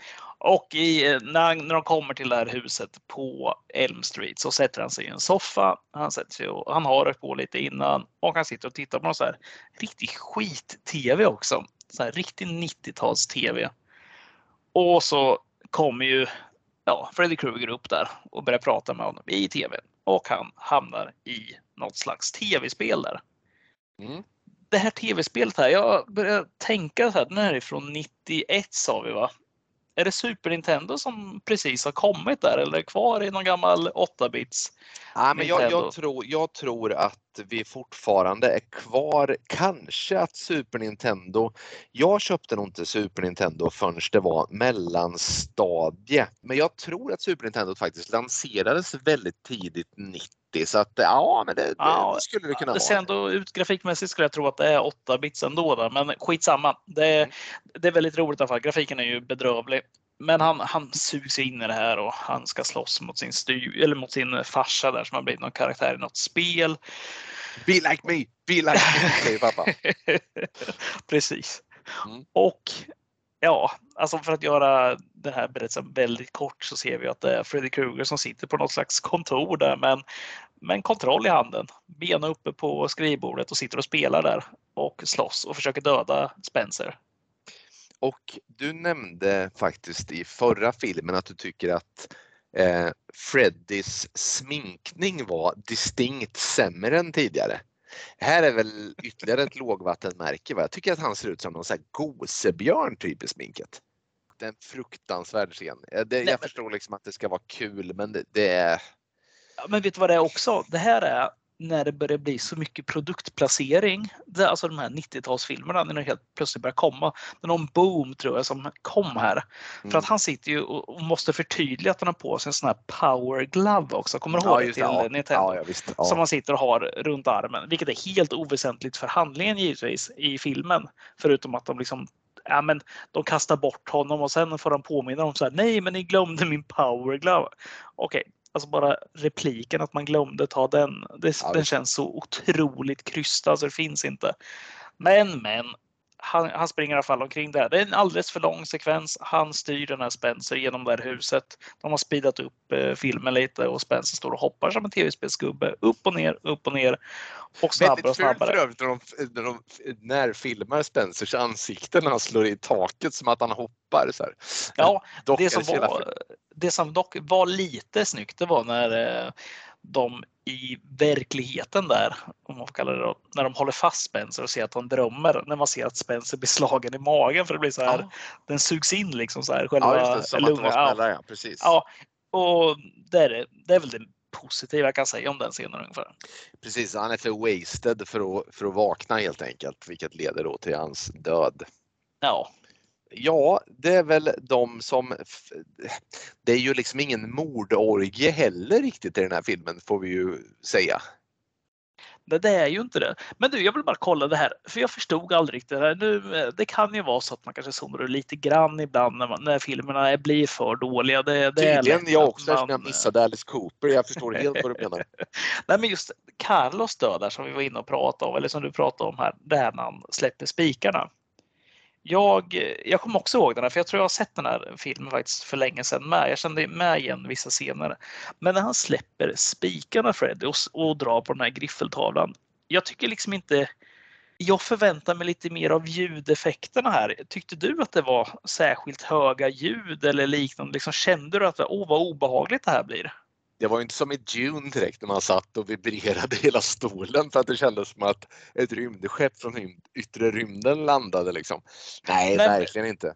Nej men det, det kändes verkligen så. Alltså det, det, jag fick liksom ingen ljudbild alls. Här. Det, det, det var ungefär som att sitta och lyssna på Pink Floyd på du vet, när någon plockar med sig en blåtandshögtalare. Nej, vet du vad det är? Det är som när han spelar Rush i I Love You Man på den här datahögtalarna och sen försöker göra rocktecknet. Alltså du får en så otroligt ja. dålig ljudbild så att det blir larvigt. Ja, exakt. Och så kände jag. Ja, nej, det var ju, nej men alltså verkligen. För det första så han slänger ju en spik som eh, Carlos lyckas fånga då innan den når marken. Sen släpper han en näve spik men när han håller för öronen då så tycker jag inte det verkar vara någon större skada skedd.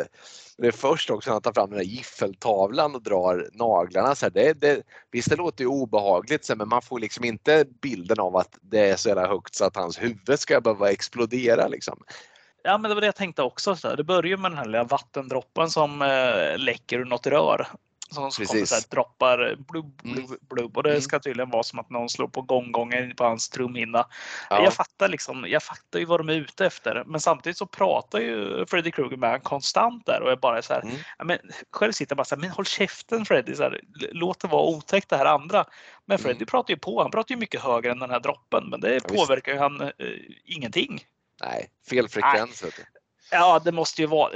Det är ju så här skitdetalj också, men varför inte bara göra varför inte bara göra det rätt?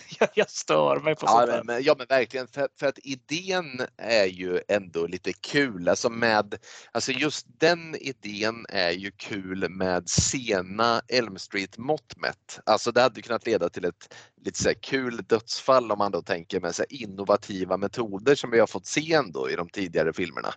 Men eh, det slarvas bort vi kan väl, för att göra en lång historia kort så, så är det ju så att Maggie då, Dr. Maggie, det är ju av någon anledning, John Doe till att börja med, han, jag, jag berättat lite om det precis, men John Doe tror ju att det här barnet som du har aviserat att Freddy Krueger har, att det ska vara han, för i början av filmen så har ju Freddy Krueger möjlighet att döda honom men låter bli så tänker han att det måste vara jag som är det här barnet.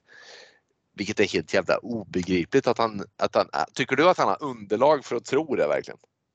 Nej, det är för att det ska bli en otroligt dålig twist i filmen egentligen bara. Ja, men, men, eh, men alltså man förstod ju ganska snabbt att jag tycker att man fattar ganska tidigt för att i en sekvens när Maggie ser tillbaka på sitt liv så får man se en man som leker med henne i trädgården vars huvud man inte får se. Nej, precis, jag fattade direkt att det där var Freddy Krueger innan, innan allting. Alltså, det, det, fattar man ju redan då liksom. Så att den här twisten som man vill åt den uteblev ju i vilket fall som helst. Men det är alltså Maggie som är barnet helt enkelt då eh, och inte John. Och det här får ju John plikta med sitt liv för. Eh, återigen så är de uppe och far va, uppe i luften. Mm. Och Freddy, Freddy ja, den här lilla livlinan som han hålls upp i hugger han av med sina klor och så faller John till marken och land. Och även där är det någon så här jäkla, återigen den där humorn liksom.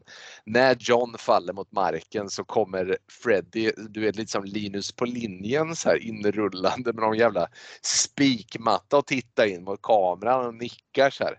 Det är så fjantigt liksom. Det är som skämskudde på allting bara. Ja men alltså det är inte, alltså, alltså skulle jag stöta på Robert Englund och bara få en så här, jag vill säga att du vet att man, säg att jag, jag vill presentera ett scenario här. Tänk att man befinner sig på med sin, sin respektive på ett hotell. Och som vanligt så är man färdig långt före sin partner, alltså med dusch och annat. Man bestämmer sig för att gå ner i hotellbaren och ta en eh, liten eh, bärs och kanske en eh, gin och tonic. Och så vips så får man se att längre bort vid hotellbaren så sitter inte eh, den här eh, Lost in translation Scarlett Johansson utan där sitter Robert Englund.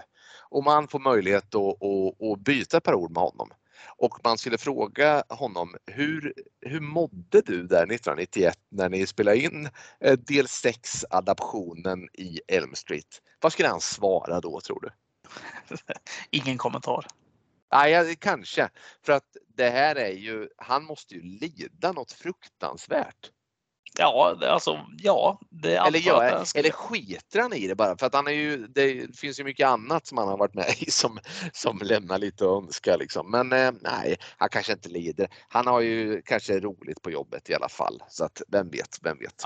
Han gillar ju den där scenen vet jag. Den här, för den här dokumentären som de gjorde efter alla filmer så säger de att han tyckte den här eh, hörselapparats död, dödsscenen var den eh, bästa. Kanske just den mest kreativa. Det kan ju vara det han syftar på också. Ja. Men eh, samtidigt, det, det, ja, han har ju inte så mycket med den att göra kanske. Alltså han, ju, han är inte med så mycket. Liksom. Alltså, man kan väl säga så här egentligen, alltså Freddy Krueger har inte jättemycket jättemycket tid framför kameran. Det har han inte i någon av de här filmerna. Han får lite mer kanske i vissa av dem, men det är ju inte så här. Av den här, han kanske har lite mer i den här, men det är ändå inte, vi pratar ju inte, kan det vara? Kan det vara 10 minuter? Ja, nej men så är det ju. Och det är ju korta, korta sekvenser åt gången liksom. Men eh, återigen, alltså för att på något sätt, det är ju han har ju säkert kul i vilket fall och pengarna landar ju på hans konto. Det är bara att jag tycker att liksom man har en så jäkla grym grundidé i, i den här premissen om, om den läskige mördaren som besöker folk i deras drömmar och så har vi landat här. Liksom. Det är bara att man, det skär i en lite grann. Eh, Ja, att, det det, att det skulle behöva bli på det här sättet. Men men, så är det. Tänkte du för övrigt på ett eh, kärt återscenen när Spen, innan Spencer dör där, när han sugs in i den här tvn? Det är ju en Ja. reklamfilm där. Tänkte du på det också där? Ja, när Johnny Depp upp? pratar jag. Precis. Ja, det är ju kul att han eh, dök upp igen där. Ja, det är det är ändå ändå kul. år senare. Och Ja. eh, när, när kom Donny Brasco? 97? Ni- Någonstans Ja, där okej, det är kanske? så pass mycket senare. Nej, jag, jag, jag, Ja. jag bara kastar ur mig det nu för att jag... Ja, jag nej, men det låter rimligt. Det låter rimligt. Men det här är ju Johnny Depp vars, han har börjat inkassera en hel del roller vid det här laget va? Och ändå så är han ändå med och drar ett litet gästspel. Eh, ja men eh, verkligen, Johnny Depp tillbaka om än för ett litet ögonblick. Det är precis innan han sugs in i tvn där ja, precis. Ja. Vet du vem som också är med? Som jag störde ihjäl mig på. Alltså jag, jag är jätteledsen när jag låter så här. Jag, jag brukar inte vara en pessimist till filmer. Så här, utan jag kan uppskatta mycket men det, jag har, det finns en skådespelare som jag alltid haft så jäkla svårt för som dyker upp i den här filmen. Mm. Det är när de kommer till El- Elm Street, till, eh, eller när de kommer till Springwood. När de har den här lilla festivalen. Jag kommer ihåg det när de rullar in och det är bara vuxna där, det är inga barn. Det här borde jag ju säkert komma ihåg men här är, här, här nej jag får lägga Nej. ut en sorti här. Nej, alltså det är ingen stor skådis någonstans, men den här komikern inom eh, parentes eh, Tom Arnold. Ah, Tom Arnold. Jag hatar, alltså jag hatar starkt ord. Jag avskyr Tom, Tom Arnold. Jag har aldrig förstått det roliga i honom. Jag tycker bara att han är så här. Han är bara jobbig att ta plats och så dyker han upp här och han. Det är det enda han gör. Han tar plats. mm. Jobbig. Jag minns när han var gäst på Letterman någon gång jag kollade liksom han är, han, han tar syret i ett rum, så kan vi ju säga. Ja, och, och det är så här. Nej, alltså han har. Kollar man hans filmografi, alltså jag lovar att han har 30 filmer för mycket mot vad han egentligen borde fått göra. Jag förstår Mm. inte. Är det någon där ute som liksom uppskattar Tom Arnold så jag skulle säga så här, egentligen hör av er, men gör inte det. Jag vill inte höra att någon Nej. tycker om Tom Arnold. Jag vill aldrig träffa. Jag vill, jag vill inte träffa någon. Jag är villig att betala 20 000 kronor för att någon, ingen hör av sig och säger att han tycker om Tom Arnold. vilken, Ar- vilken Arnold-film är det han är med i? True lies. han är. Eh, True Lies. Maggie får veta att Freddy är hennes far. Nu tar jag handlingen vidare. Dock upptäcker att Freddys kraft kommer från drömdemoner som ständigt återupplivar honom och att Freddy endast kan dödas om han dras in i den verkliga världen. Maggie bestämmer sig för att det ska vara hon som gör detta och lyckas efter visst kämpande dra in Freddy Krueger i den verkliga världen. Här fortsätter fighten mellan Maggie och Freddy där Maggie med en hänsynslöshet som endast hennes far kan mäta sig med lyckas döda Freddy med hjälp av hans egen handske samt en rörbomb. Maggie ler sedan mot Tracy och Doc och säger Freddy's dead. Rafflande final där Niklas. Vad, Eh, vad säger man? Nej, men jag vill bara först bara påpeka det här. Vi, varit- vi, eh, pratade lite kort om i början där att ja, men det här är den första filmen där vi inte får någon som helst förklaring till eh, hur Freddy gör för att komma till liv igen. Men nu får vi då förklaringen att det är de här drömdemonerna som återupplivar honom. Vad säger du om de här drömdemonerna? Ja, så de, säger jag då. De, de där gamla demonerna. De, som, de där dröm, just i drömmarna ja. De som kommer. Ja. Nej men, nej, det, nej, men det är väl schysst. Alltså, det är väl en jättekul idé. Vet du, jag vill återkomma till den här kön igen på New Line Cinema där du står med ditt Freddy Krueger-mynt fortfarande du, som, är, bara, som är den bästa idén. Får jag, får jag bara avbryta där? Kan vi enas om att den här idén med Freddy Krueger-myntet inte är så dumt? Nej men den är bra. Det, det, alltså, det, den, är, den är så pass bra så att den, den, slår ju alla de här idéerna som har kommit efteråt med hur mycket som helst. Men det jag vill komma till är ju att fortfarande står du där med ditt Freddy Krueger som du har gjort i slöjden och tagit med dig till New Line Cinema för att visa upp. Och det är ju liksom välgjort. Du har ju gjort din läxa. Och de här andra har ju bara passerat dig fram. fram. Du kommer liksom aldrig till skott med din idé. Du, den blir, den liksom blir ratad direkt. Och så kommer de här. Jag, jag tänker så här. Freddy Krueger, när han dör, då har vi de här drömdemonerna. Alltså de, de är tre stycken datanimerade demoner som de tar tillbaks han. Varje gång. Vad tror ni om det? Och så här, här får du 40, 430 000 miljoner för att göra en film om det. Och du står där med ditt jävla mynt. Mitt jävla mynt ja. Men du, det är inte för sent ännu. nej, nej, nej, för fan, jag står kvar med myntet.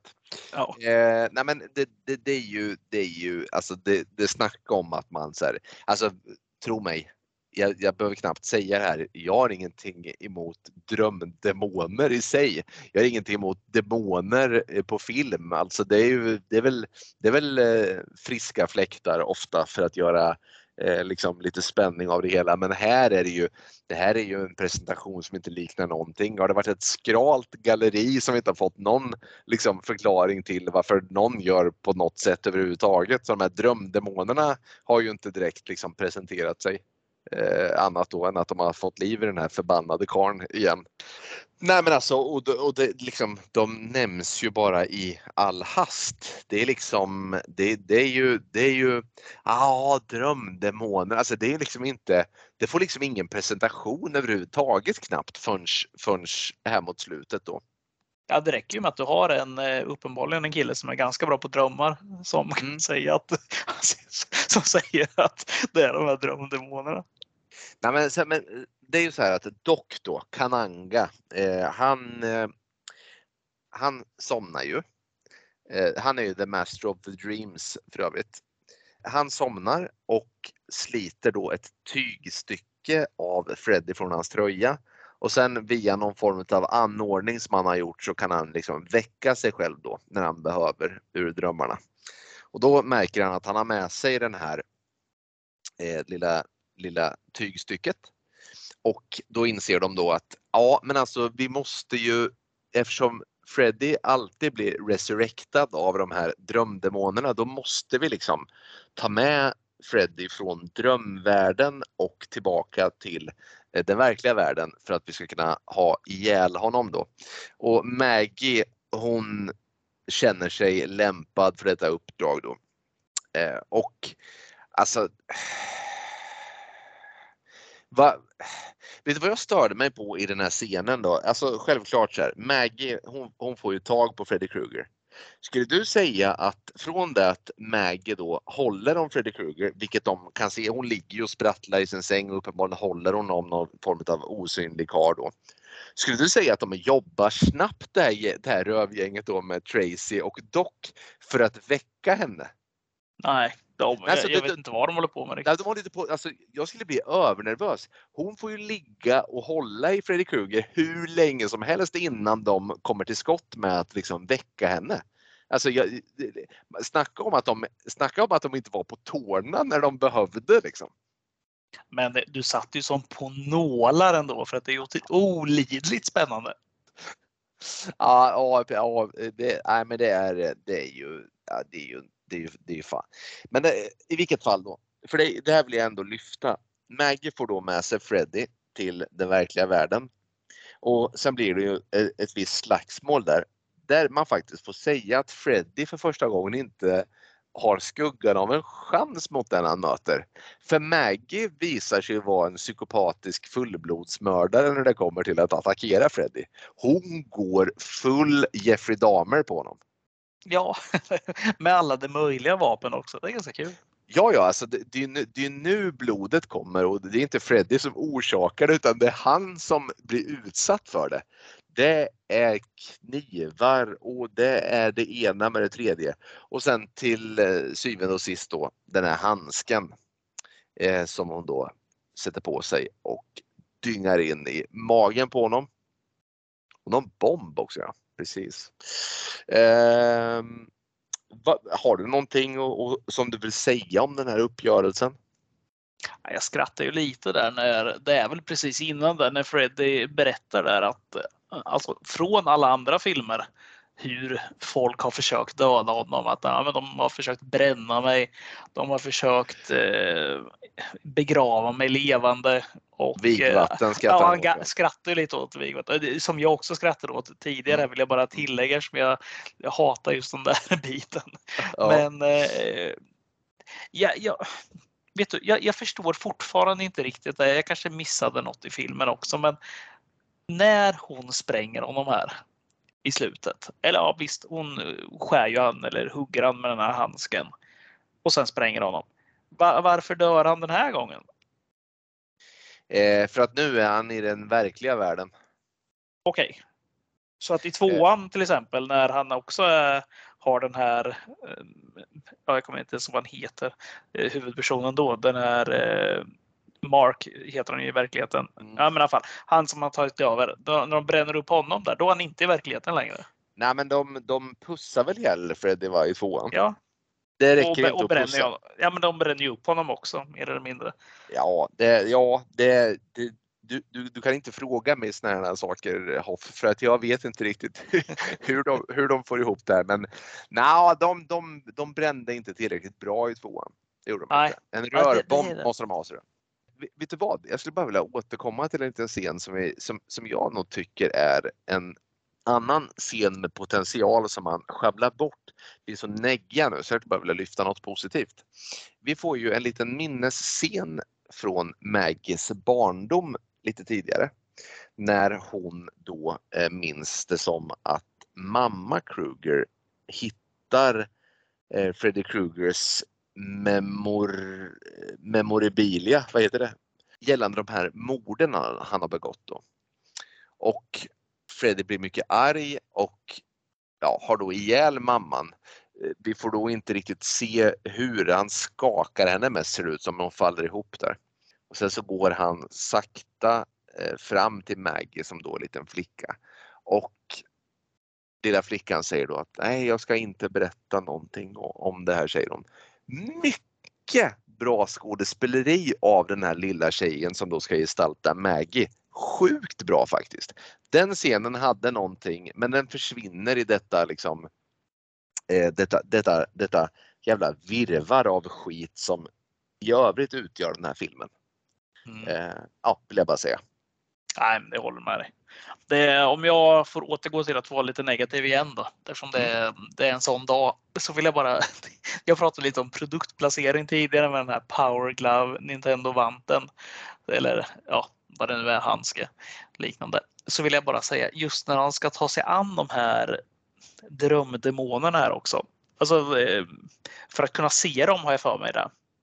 Det här är ju 1991 och 3D-briller är ju hett. Det följde med kalanka tidningar till och med och så vidare. Jag ska väl säga att jag har aldrig uppskattat 3D i film. Jag har alltid tyckt att det blir skit av det. Går att välja att se Star Wars brukar ofta vara, eller Star Trek eller liknande. Går det en 3D-visning eller en utan 3D så väljer jag alltid den utan för jag tycker inte det ger någonting. I den här filmen som vi nu har sett så är ju, jag tror att det är för att kunna se de här drömdemonerna så ger ju dock då till, vad, vad är det hon heter för något, jag tappade namnet på henne, Maggie.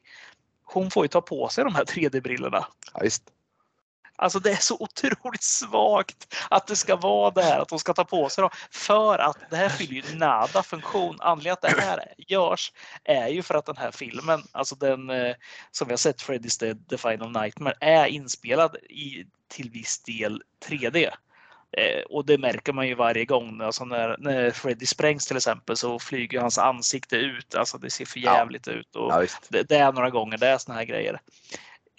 Hur tycker du, tycker du om 3D? Alltså, nej, alltså, nej, så här kan jag säga. Jag minns att eh, Liseberg hade en attraktion i anslutning till att eh, Jurassic Park eh, gick upp. Du vet, det är också, det är två år senare bara.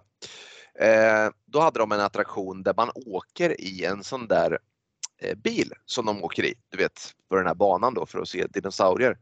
Och så var det, var man förföljd av dinosaurier som kom från alla håll och då hade man 3D-briller på sig liksom för att göra och då kändes det som att oh shit nu blir vi uppätna, nu kommer de ur tvn, fan vad coolt liksom. Men det är något helt annat för det är ingen spelfilm. Och då var ett litet barn, det, det, då, det, då hade det verkligen sin funktion. Jag minns det där med värme, liksom, hur eh, liksom, bra den attraktionen var. Men på spelfilm, då är det bara skit. Alltså, jag har alltid hatat 3D också och, och det, det, gjorde mig ont för att jag är en av dem som tyckte att till exempel ja, men när James Camerons du vet, första den här Avatar kom. Eh, då satt man ju där med de där förbannade globerna på sig. Osköna är de också man ska sitta och titta på. Eh, och det var så synd för att eh, jag, jag, tycker, jag tycker ofta det förstör, det liksom tar fokus och, och man liksom, ja, jag kommer ur det, inte i det med 3D. Ja, jag håller helt med. Jag, jag, jag, tycker liksom inte, det funkade inte 91. Det funkade inte när de körde den här boomen där på ja, men runt 2000 också, lite senare. De hade väl till och med någon med Hajen 3, var inte den i, i 3D? Jag tror den är från 83 den filmen. För ja. det har varit den här liksom var tionde år typ. Så. Ja, men så försöker de liksom. Och det sjuka är liksom att 91. Alltså det, jag skulle säga att det är minimal utveckling på den där 3D ändå. Alltså, sen om man pratar med någon som är någon så här matematiker och visualiseringsexpert säger väl att det är tusen gånger bättre och snyggare. Så här. Men fine, då är det väl så. Men ni är ju idioter ändå som kör det för att det är inte kul någonstans. Det blir Nej. verkligen inte snyggt. Men jag, jag, har faktiskt en lite rolig historia där. Jag tror jag berättat den för dig tidigare just gällande 3D. Det är en god vän vän eh, till, till oss båda här, Viking och jag var och såg den här Texas Chainsaw 3D när den kom. Den eh, måste ha kommit runt 2015, 13 någonstans där i, i krokarna. Och det, var, det, alltså, det är ju en totalt värdelös nyinspelning på Motorsågsmassakern. Eller är, det, här... är det i den filmen hon slänger till Leatherface en motorsåg och säger Do your thing cuz? Jag tror faktiskt det är den. Ah, ja, eh, fan. Ja, ja. Den, den här var ju i 3D, vilket var väldigt tråkigt. Namnet säger ju att den är 3D givetvis, eftersom de måste skylta med 3D i texten. Men, men, skitsamma. Vi gick in i den här salongen, tog på oss våra briller, satte oss högst upp. Vi var, vi var helt själva. Eh, väldigt, trevligt att sitta där, två grabbar också, helt själva i salongen. Ska kolla på den här filmen. Men då kommer in ett så här nyförälskat par som är jag, jag och min vän är väl kanske runt, ja men sätt vet, runt 30 i alla fall, alltså 30 bast. De här som kom in var nog runt 16. De sätter sig längst upp i hörnet. Vi sitter på samma rad i mitten och sitter med våra briller på. Sen börjar förtexten. Vi skitsamma att det är en dålig film nu, men det här, när förtexten börjar, då ringer telefon hos den här ena personen bredvid oss. Och vi är ju onda ögat som man gör. Man är svensk och man vill inte stöta sig och man vill inte skrika det första man gör. Men den här svarar ju i telefon. Det gör man inte på en bio. Sen när förtexten är slut, då, då lägger de på. Då börjar de prata istället. Då får min eh, vän nog och ryter till där att nu håller du käften och möts av det här, den här ynglingen som säger nu så här, Åh men du då för fan, lägg av! Och liksom så ganska dålig attityd. Oh. Okej, okay. han sitter och kokar min vän här för han är väldigt nära på att gå dit och läxa upp honom. Men han, eh, hans knogar, knogar vitnar mot eh, handsätet i alla fall på de här och sen går det fem minuter till. Då hör jag att den här tjejen som nu sitter med den här killen säger så här till honom. Du, den är rätt suddig den här filmen. då, då har ju inte de tagit på sig sina sol, de här, sol, de här 3D-brillorna som man måste ta som låg innanför entrén. Och enda sättet för han att hämta de här, det är ju att då gå ut längs med den här gången, att gå förbi då min vän och mig. Och min vän är ganska stor, han är närmare två meter lång. Och det, det, den här killen säger istället så här, jag tror att den ska vara så här. Eh, vi kan hyra den om tre månader annars. De satt alltså där inne och såg den här Texas Chainsaw 3D. En oh. riktig skitfilm, 92 minuter lång, i, alltså, utan de här 3D-glasögonen. Vilken ja, ju, tortyr! Ja, men alltså man har ju varenda 3D-film man har varit på så har man ju lyft på globerna för att se hur det ser ut och det ser ju inte ut alls. Det är ju Nej, bara helt suddigt liksom. Jag tycker ändå det är så härligt att de ja, fick sitta där straffade genom... sig. Eh, Kosmos straffade det här paret då. Helt enkelt. Ja, sen vet jag inte vem det straffade mest eftersom vi fick se Texas Chainsaw 3D hela filmen med 3D-glasögon och de andra mm. kunde ju säkert sitta och hångla eller någonting. Säkert ja, ja, betydligt ja, trevligare. Ja, Vilken trevlig ju, parentes. Ja, verkligen. Men, men sen, sen måste man ju säga att vi, vi det är ju vad trevligt det är med bio. Ja, verkligen. Eh, ja. men du, ja alltså 3D-glasögon ja och eh, demonerna far ut ur den döende Freddy. Och sen så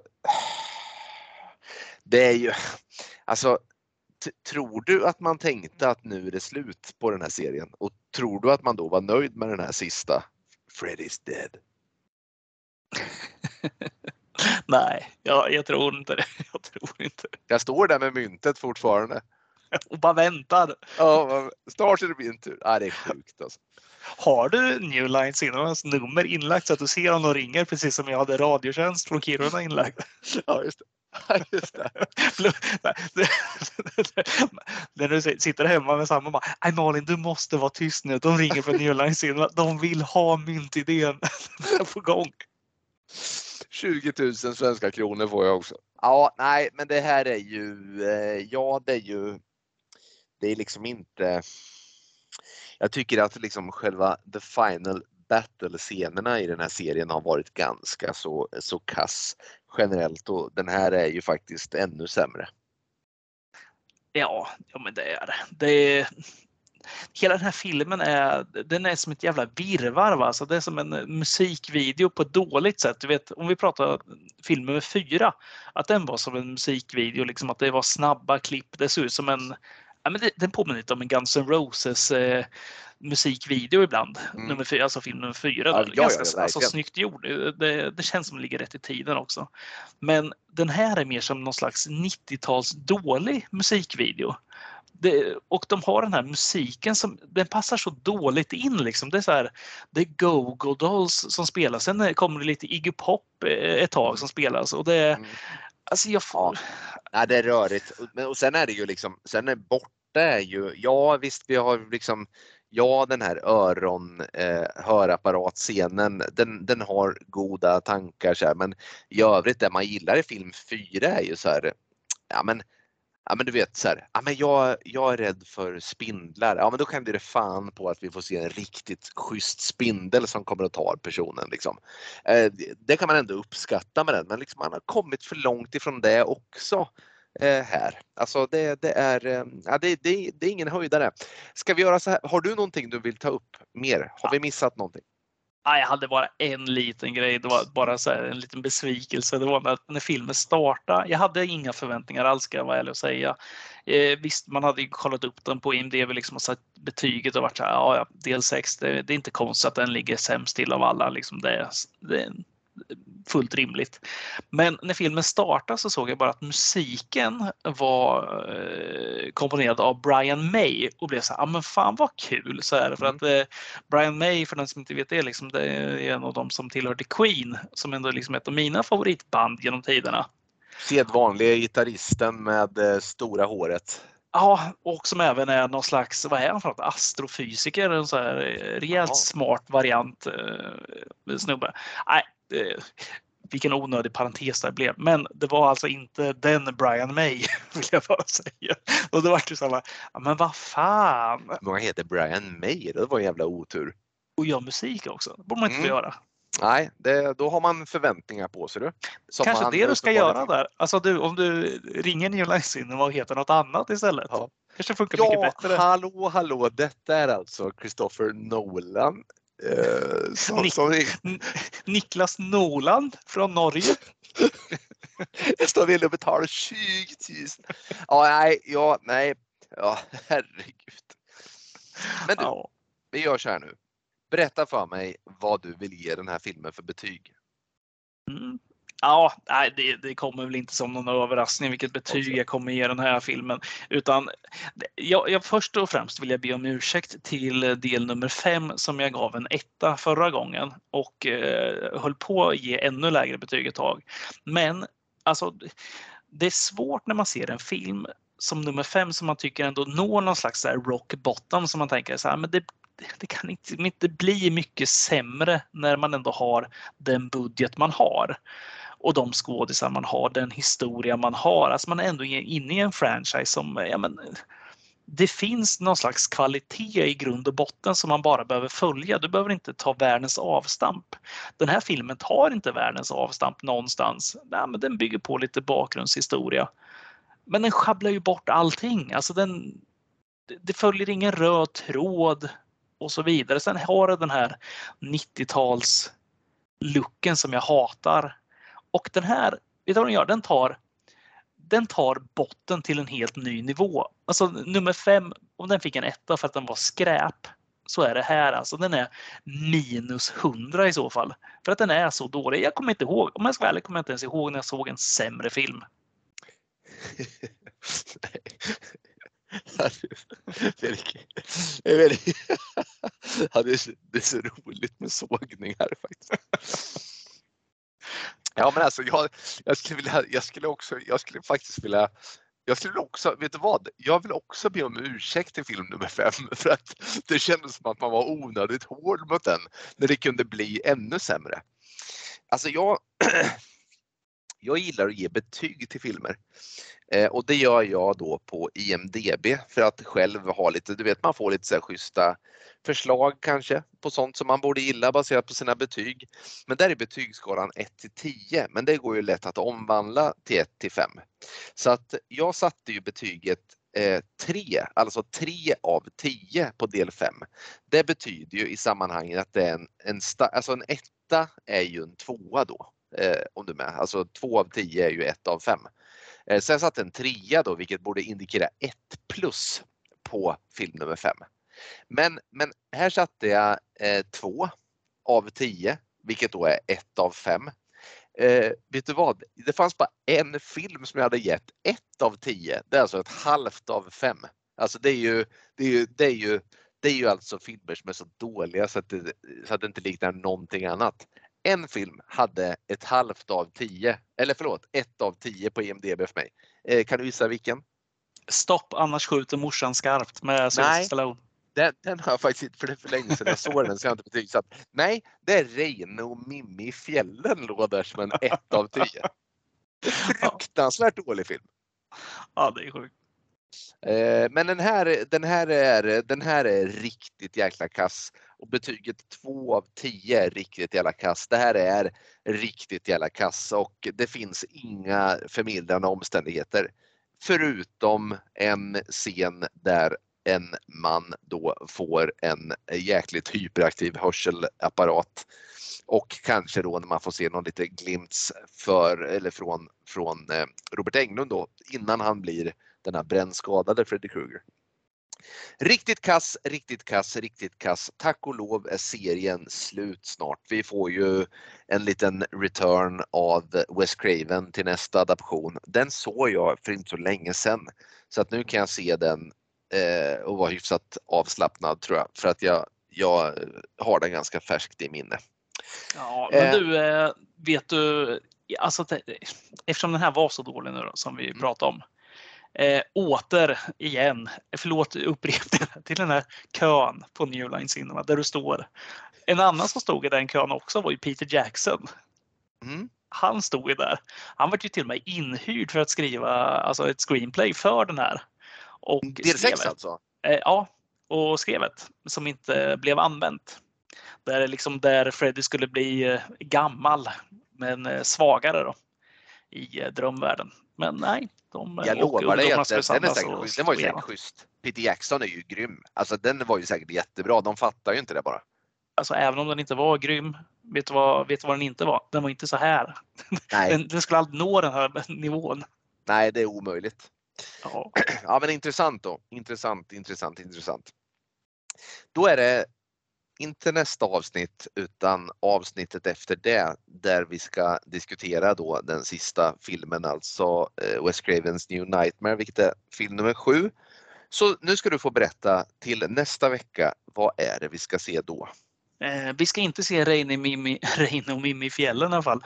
Eh, även om det hade varit kul att återvända dit. Nej, men vi ska se Mm. vi ska faktiskt se något som vi aldrig gör annars. Vi ska se en lite nyare film tänkte jag. Och det är en eh, taiwanesisk film som heter eh, The Sadness.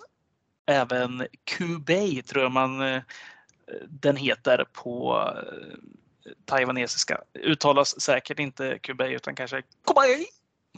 Bra. Kubei. Du får i uppdrag att ta reda på hur det korrekta uttalet ser ut till nästa vecka. Ja, nej men den, det ska vara någon riktig sån här eh, zombie-splatterfilm och eh, ja, men det kanske går lite hand i hand med att vi pratar Peter Jackson och vi återvänder till hans gamla alster i Braindead och så vidare så hoppas jag lite på något sånt. Jag tror dock att den här kanske kommer sakna glimten i ögat på samma sätt. Men eh, ja, det var länge sedan jag såg något sånt där lite köttigare. Fan vad trevligt det låter. Ja, det ser jag fram emot. Jag, eh, faktiskt när du eh, meddelade mig vad du har valt så var jag tvungen att kolla upp filmen lite grann och kolla på en lite kortare trailer och jag tycker det verkar jävligt schysst alltså. Det, är- Det är ju något också med att se alltså utländsk film. Det, jag tycker man ska det. Man ska inte vara rädd för att eh, se någonting som, eh, som man behöver undertexter till eller som liksom sticker ut på något sätt. Det, det, det görs fan mycket bra film som inte är amerikansk eller engelsk. Mm, ja, verkligen. Ja, men det, det ser jag fram emot. Så att, eh, ja, men det blir skitbra. Nej, men du, någonting som Freddy Krueger inte kommer göra längre i alla fall efter denna film. Det är ju att han har ju ingenstans. Han, han kan ju inte förvara sina kryddor längre. Han har, liksom, vad ska han ha dem? Han är ju död. Inget kylskåp har han heller. Nej, det har han inte. Och något mörker att ta sig in i, det har inte han. Men det har vi. Där vi kan försvinna. Rakt ut i nattens mörker.